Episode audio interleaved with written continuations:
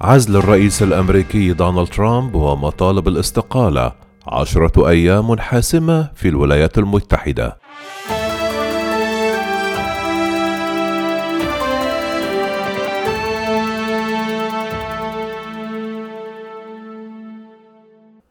قبل عشرة أيام من انتهاء ولايته يواجه الرئيس الأمريكي دونالد ترامب دعوات للاستقالة بشكل متزايد بما يشكل معسكره الجمهوري لتجنب إجراءات عزل صعب في أوج أزمة سياسية وصحية واقتصادية تشهدها الولايات المتحدة الأمريكية.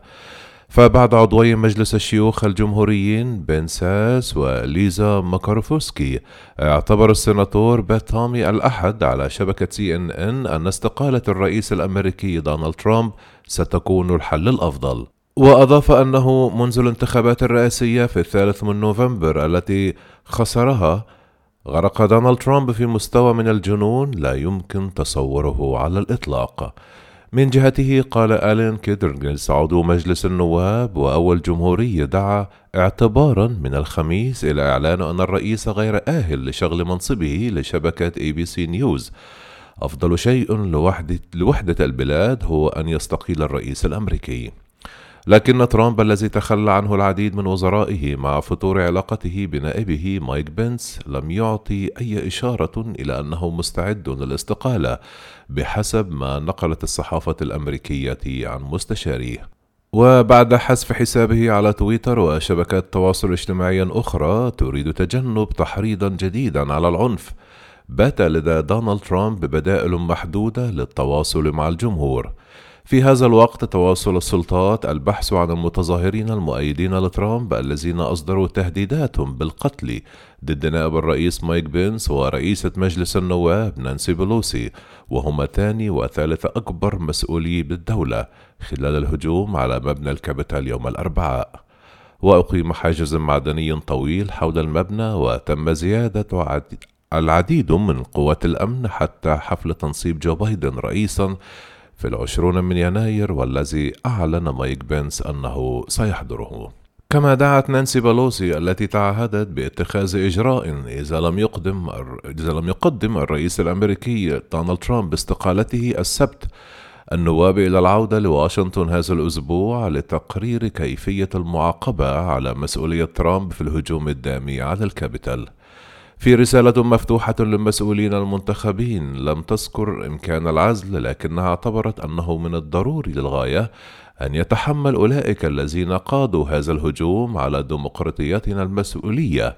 وأضافت يجب إثبات أن هذا التدنيس كان بتحريض من الرئيس الأمريكي ترامب. ويأخذ نص اتهام عرض على مجلس النواب ووقعه 180 برلمانيا على الأقل على الرئيس الجمهوري أنه أدلى بتصريحات عمدا شجعت على اقتحام مبنى الكونغرس من قبل أنصاره الأربعاء. وبحسب النائب الديمقراطي جيمس كلايبورن قال فإن المذكرة يمكن أن تبحث هذا الأسبوع وقال لشبكة سي إن إن أن ذلك قد يحصل الثلاثاء أو الأربعاء. لكن هذا إجراء طويل ومعقد وقد علت أصوات عدة في المعسكر الديمقراطي. معتبرة أنه قد يبطئ خطط الرئيس المنتخب جو بايدن الذي جعل من معالجة أزمة كوفيد 19 من أولوياته. وقال كلايبورن لنمنح الرئيس المنتخب مئة يوم في بداية ولايته للسماح له بمعالجة أكثر القضايا إلحاحا مضيفا ربما يمكننا تقديم المواد الخاصة بإجراء العزل بعد ذلك. من جانبه قال السناتور الديمقراطي جو مانشن على شبكة سي إن إن إن إجراءات العزل بعد العشرون من يناير لن يكون لها أي معنى. وعلق بات تومي بالقول لست متأكدا حتى من أنه من الممكن عزل شخص لم يعد في السلطة. لكن إجراء عزل سيترك بصمة لا تمحى على أداء دونالد ترامب. إذ لم يتعرض أي رئيس أمريكي في السابق لهذا الموقف. وكان الكونغرس استهدف ترامب الذي تولي السلطة منذ عام 2017 بإجراء إقالة.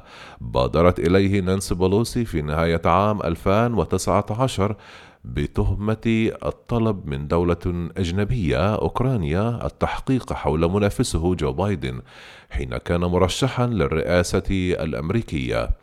وتم تبرئة دونالد ترامب في مجلس الشيوخ الذي يعد غالبيته من الجمهوريين في مطلع العام 2020